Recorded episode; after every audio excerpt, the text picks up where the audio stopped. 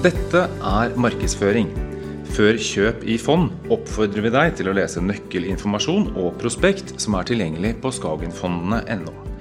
Historisk avkastning er ingen garanti for fremtidig avkastning, og det er risiko forbundet med investering i fond.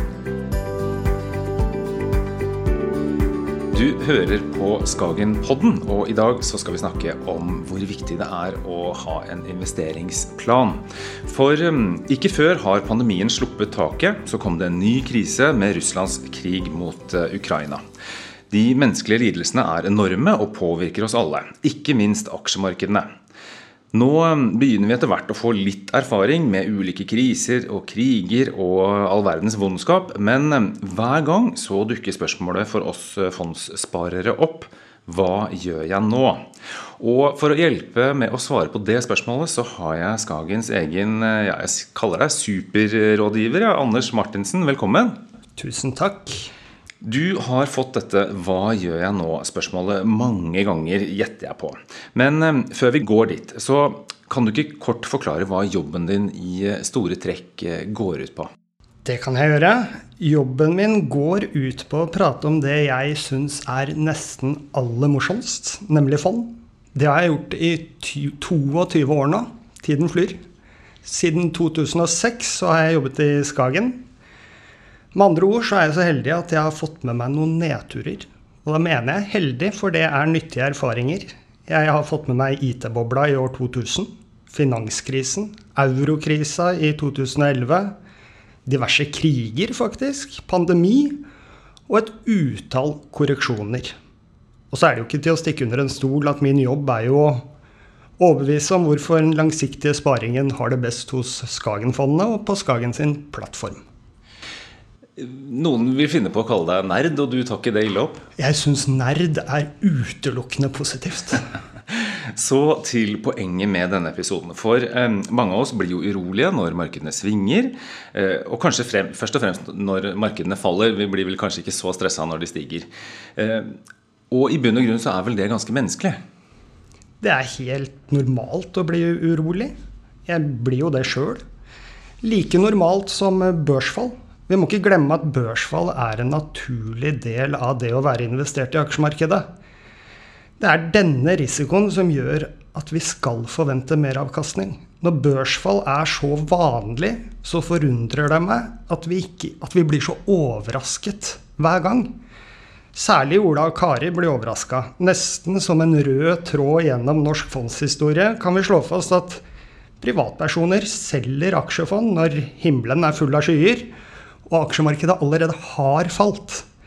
Når jeg spør meg selv om hvorfor, så tror jeg årsaken er at privatpersoner har ikke tenkt gjennom hvorfor de benytter fond, og hvordan de skal agere både i opp- og nedgang. De mangler kanskje en investeringsstrategi, tror jeg. Nesten så de har kjøpt aksjefond på impuls, uten å tenke gjennom hvordan de ønsker å agere.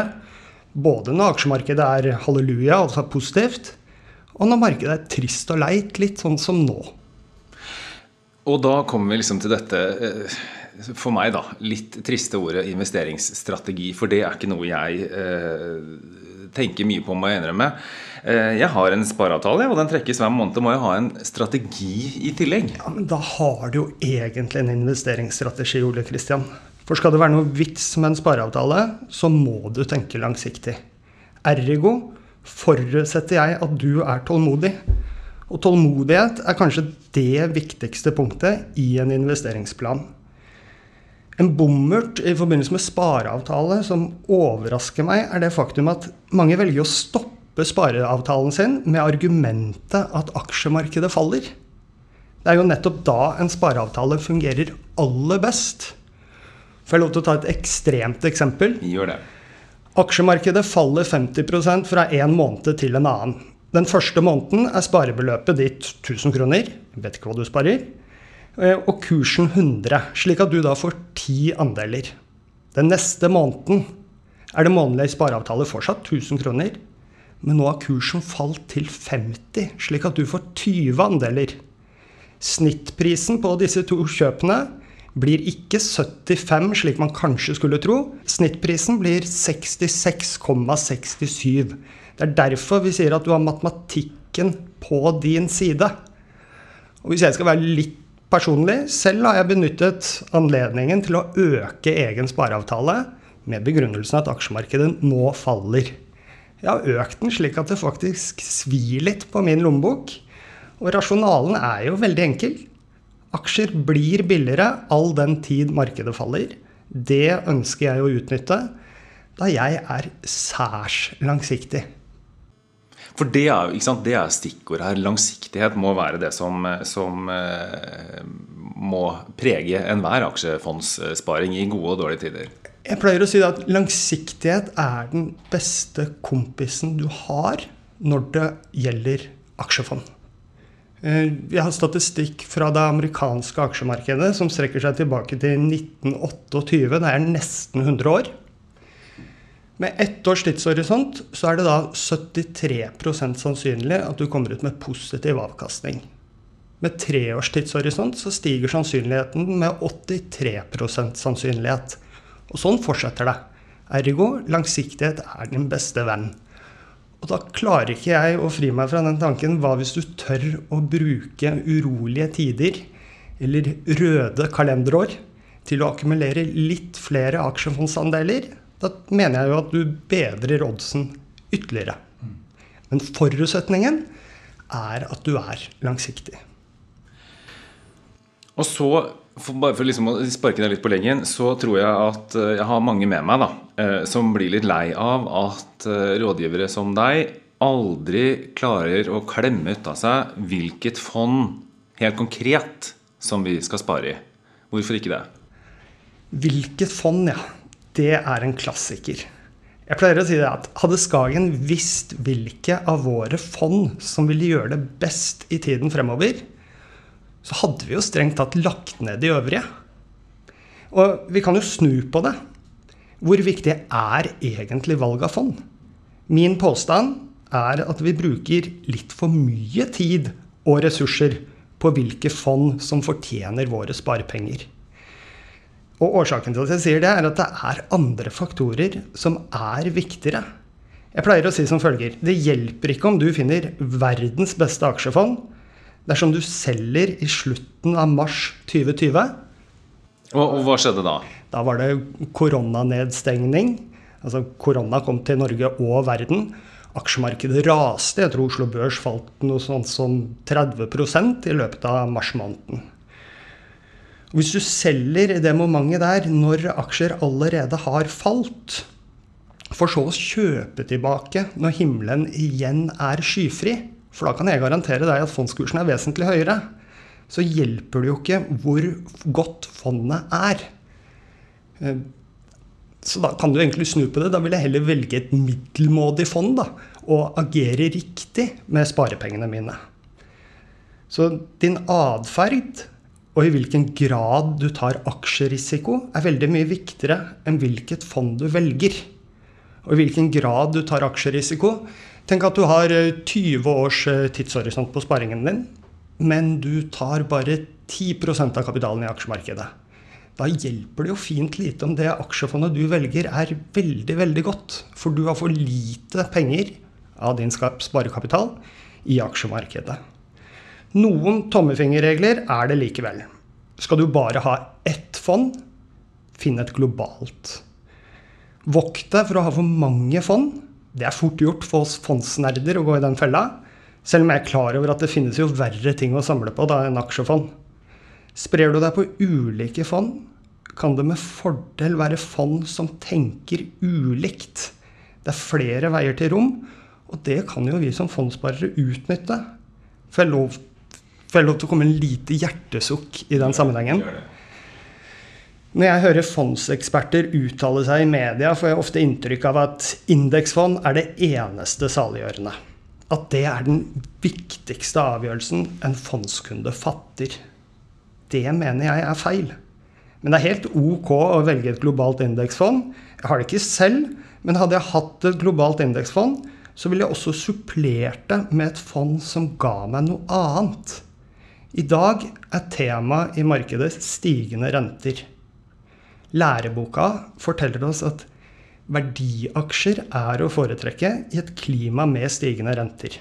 Et globalt indeksfond er undervektet verdi og overvektet store vekstselskaper. Da mener jeg det er sunn fornuft å supplere ditt indeksfond med et globalt verdifond. Mm. Kan ikke vi bare ta indeksfond, verdifond? Hva, hva er det? Indeksfond, det er jo Hvis du har et globalt indeksfond, så, så får du mest eksponering i de største selskapene i verden. Da får du mye USA-eksponering, overkant av 60% USA. Og så får du de største selskapene i verden. Og de største selskapene i verden, det er jo sånn som Apple, Amazon, Microsoft, Google eller Alphabet. Da, og den type selskaper. Eh, når det gjelder vekstverdi, hvis jeg skal prøve meg på en forklaring der, så er det at vekstselskaper er aksjer der inntjeningen og- eller egenkapitalen prises høyt. Trenger ikke, de trenger ikke nødvendigvis å tjene penger i dag, men det er en forventning om at de kommer til å tjene masse penger en eller annen gang i fremtiden. Jeg kan ta et konkret eksempel. Microsoft i år 2000 hadde teknologiaksjer steget voldsomt. Teknologi som bransje blir ofte omtalt som vekstselskaper. Microsoft hadde i år 2000 en pris i forhold til inntjening på rundt 70, om jeg husker riktig. Om PE ikke sier deg så mye, så kan jeg røpe at de fleste er enige om at PE 70 det er dyrt. Så fulgte ti år i skyggenes dal for teknologiaksjer, Microsoft og dets like. Det til tross for at Microsoft tjente masse penger. Aksjekursen falt og falt. Rundt år 2010, altså ti år senere, så hadde pris i forhold til inntjening for Microsoft sunket fra 70 ca. til under 10. Aksjekursen hadde falt, mens inntjeningen fortsatt var, var god. Vekstselskapet Microsoft hadde utviklet seg til å bli et verdiselskap, kan man argumentere for. Så hvis vekstselskaper er selskaper som prises høyt, og hvor det er store forventninger til fremtidig inntjening, er verdiselskaper selskaper som opptrer billigere, og som ofte allerede tjener penger. Jeg hører enkelte omtale verdiselskaper som ordentlige selskaper. Jeg er litt enig, og da skinner det vel igjennom hva, jeg, hva som ligger mitt hjerte nærmest. Ofte ser jeg at kunder supplerer sitt globale indeksfond med teknologifond. Jeg er ikke så tilhenger av en sånn kombinasjon, all den tid teknologi allerede er største sektor i et indeksfond. Gjør teknologi det bra, så vil indeksfondet nyte godt av dette, og motsatt. Og det du gjør med en slik kombinasjon, da, er å sette ditt globale indeksfond på anabole steroider, veldig forenklet. En annen klassisk eh, feil er å ha mange krydderfond, kaller jeg det. Krydderfond er spissede, snevre fond. Jeg setter bransjefond og rene landfond i denne kategorien. Veldig mange nordmenn har kraftig overvekt Oslo Børs. Og hvor rasjonelt er det egentlig? Oslo Børs er knøtt liten, preget av større svingninger og blir av utlendinger betraktet som eksotisk. Og Det er kanskje en grunn til at Skagen, som en av svært få norske forvaltere, aldri har hatt et rent Norge-fond. Vi mener at menyen er for liten. Såkalt rene grønne fond altså et eksempel på krydderfond. Ikke et vondt ord om grønne fond, men svingningene er større, og jeg vil ikke omtale slike fond som basisfond. Fond som skal utgjøre grunnsteinen i en portefølje. I perioder blir krydderfond veldig populære. Det er sjelden da du skal velge dem. Ved starten av 2021, tror jeg det var, så var grønne fond voldsomt populære. IT-fond i år 2000, og kanskje nå nylig, fremvoksende økonomier og vårt eget Kon-Tiki på slutten av 2000-tallet og Japanfond på slutten av 80-tallet, for de som husker så langt tilbake. da. Poenget mitt er at det er ofte lurt å være litt skeptisk til det som er aller mest populært, som følge av hyggelig avkastning. Greit. Nå har vi jo da fått en liten eh, leksjon i ulike typer fond. Veldig langt svar. Det var, ja, men det var fint. Og eh, det jeg tenkte var bare å dra det litt tilbake igjen. Fordi eh, du sier altså, hvis jeg forstår deg riktig, at det å ha et bredt globalfond i bunn, som liksom bygg, som grunnmuren i sparingen din, det er smart. Mm. Uh, og så er du ikke så opptatt av eh, helt sånn konkret eh, på hvilket fond som man skal velge. Fordi det viktigste tross alt er å spare lenge nok. Da vil du med all stor sannsynlighet få god langsiktig avkastning. Tiden du sparer, er mye viktigere enn hvilke fond du velger. Og det høres kanskje litt rart ut at jeg sier det, men jeg tror det, det er fakta. Men så, da. Eh, hvordan kan jeg vite at jeg har eh, den rette fordelingen? Du sa 10% aksjefond. Det er for lite.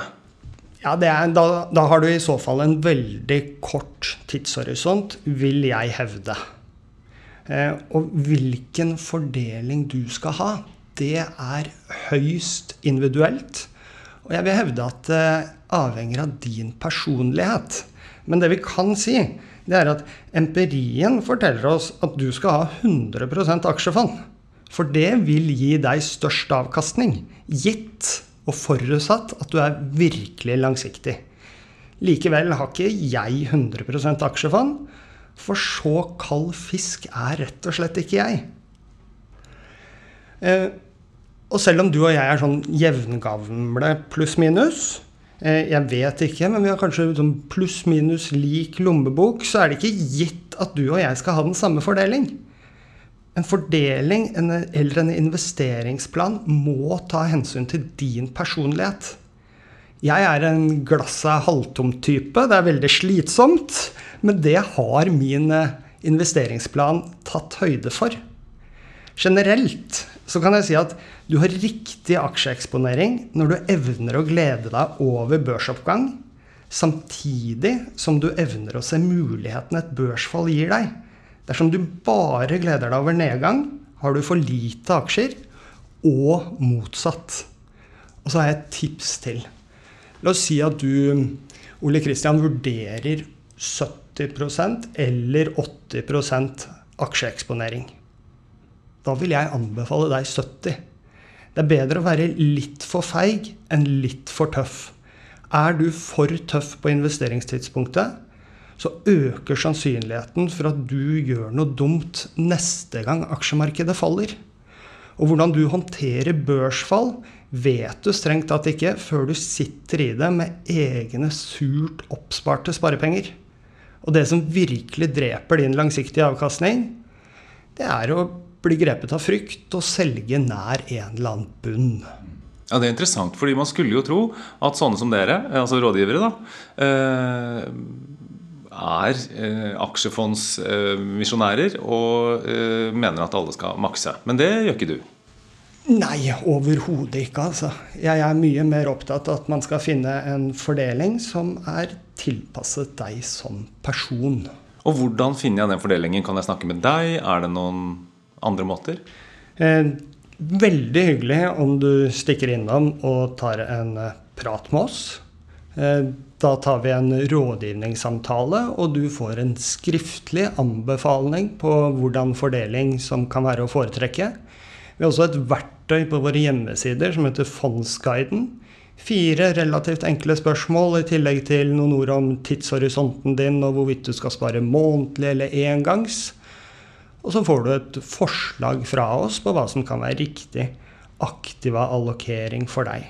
Og så har jeg lyst til å skyte inn én ting til mens jeg husker det. Har du boliglån, så skal du selvfølgelig være forsiktig med å ha for stor renteandel i din langsiktige portefølje. Renteeksponeringen din, f.eks. bankkonto, kan jo være en del av din renteandel den har en forventet avkastning som er lavere enn effektiv lånerente.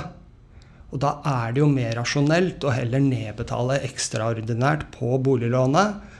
Og så kan heller den andre delen av kapitalen foregå i aksjefond. Vi er nok litt for lite flinke til å argumentere for at å nedbetale noe i boliglån er heller ikke verdens dummeste spareform. Bra. Ok. Vi har vært eh, innom langsiktighet, men, eh, men eh, tidshorisont er avgjørende. Det er avgjørende, og jeg vet jo at enkelte av våre kunder blir jo lei av Skagen, som alltid maser om viktigheten av denne tidshorisonten. Men tro meg, det er en grunn til det. På kort sikt så kan aksjemarkedet oppleves som en berg-og-dal-bane. På lang sikt så er det vel mer som å se maling tørke.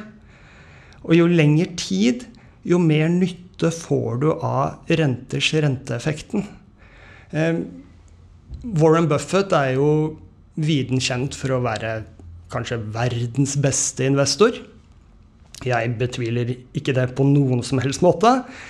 Men det er jo kanskje ett parameter med denne fantastiske investoren som underkommuniseres. Og det er jo det faktum at han har hatt over 70 års fartstid i aksjemarkedet.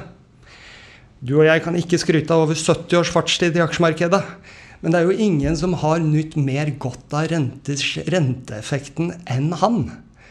Eh, og hvis du ser på formuen til denne fantastisk rike mannen, så er det jo også håp for de fleste. For 80% av hans formue ble jo generert etter at han nådde norsk pensjonsalder.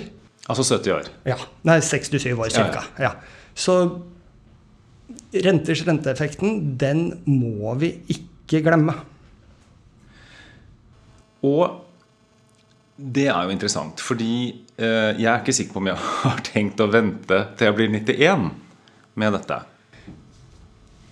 Ja, altså jeg, jeg, jeg, skjønner jo veldig godt at det er problematisk og, eller det er vanskelig å tidfeste eh, hvilken tidshorisont du faktisk har.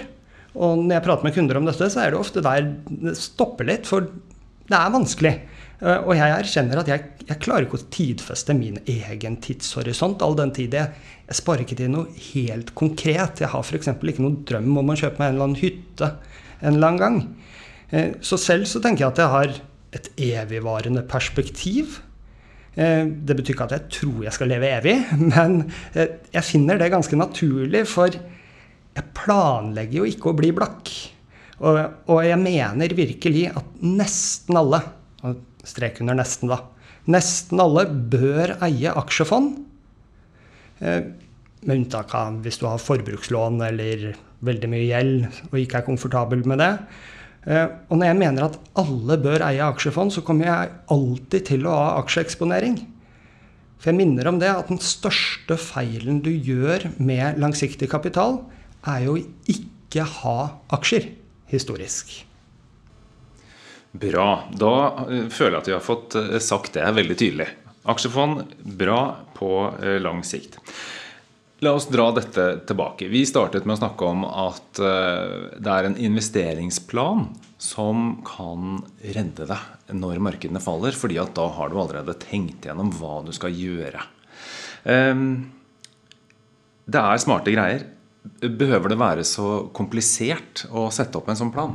Det behøver ikke å være komplisert i det hele tatt. Altså, det kan være en Post-It-lapp på PC-en din hvor det står at når aksjemarkedet har falt så så mye, så skal du kjøpe litt mer aksjefond.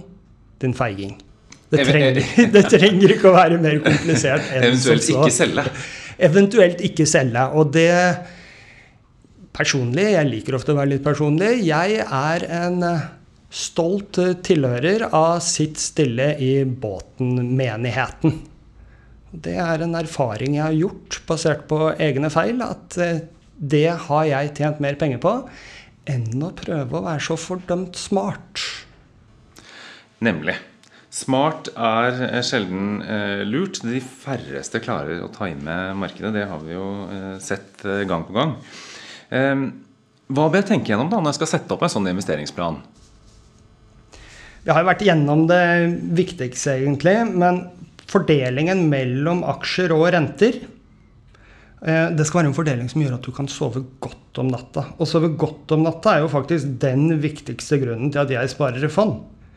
Eh, og da kan ikke jeg personlig i hvert fall ha majoriteten av pengene mine på en bankkonto. Det er fort gjort å glemme at risikoen øker med tidshorisonten på en bankkonto, motsatt av hva som er tilfellet for eh, aksjefond.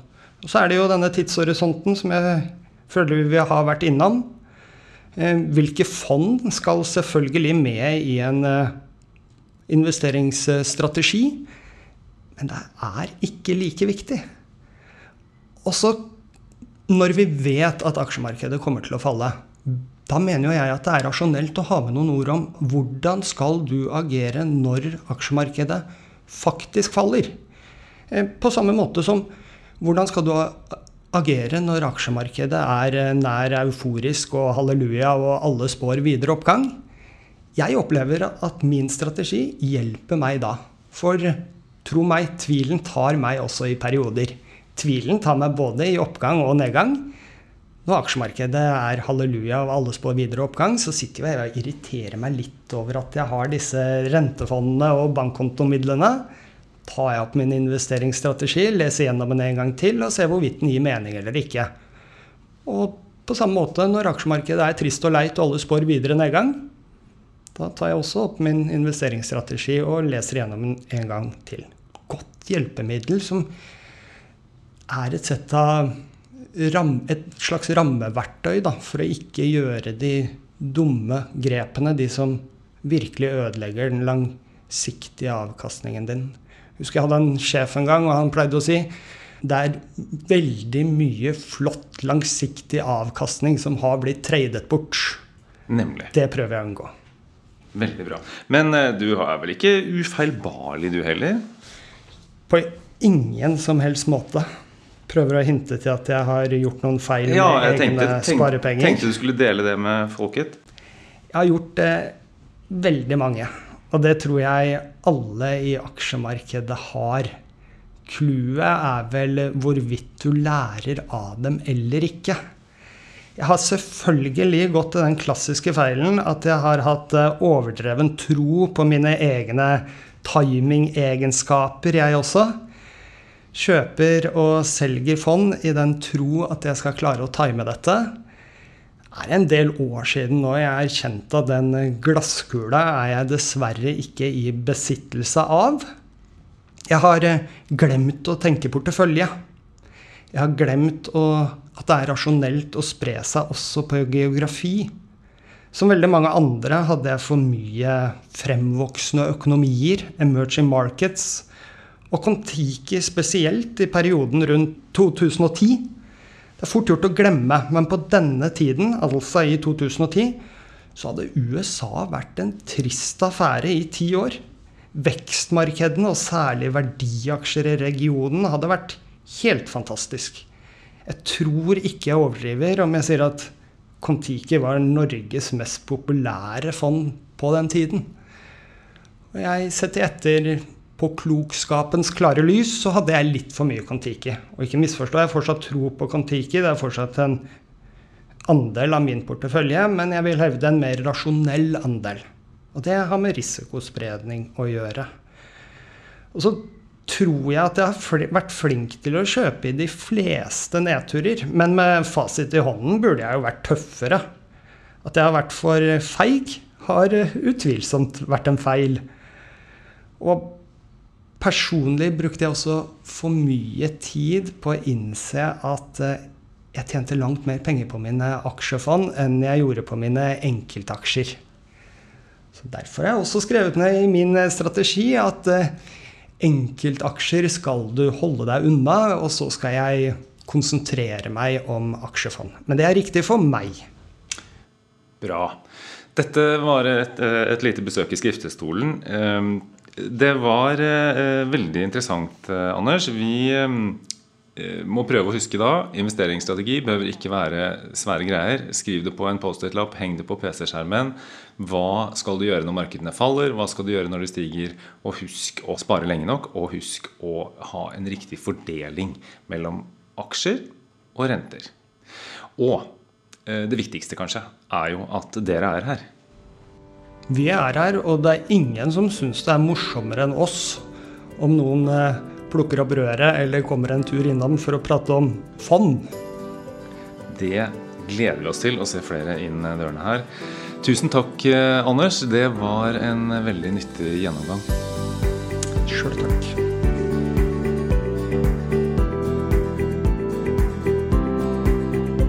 Kjøp gjøres i fondsandeler og ikke i aksjer eller andre verdipapirer.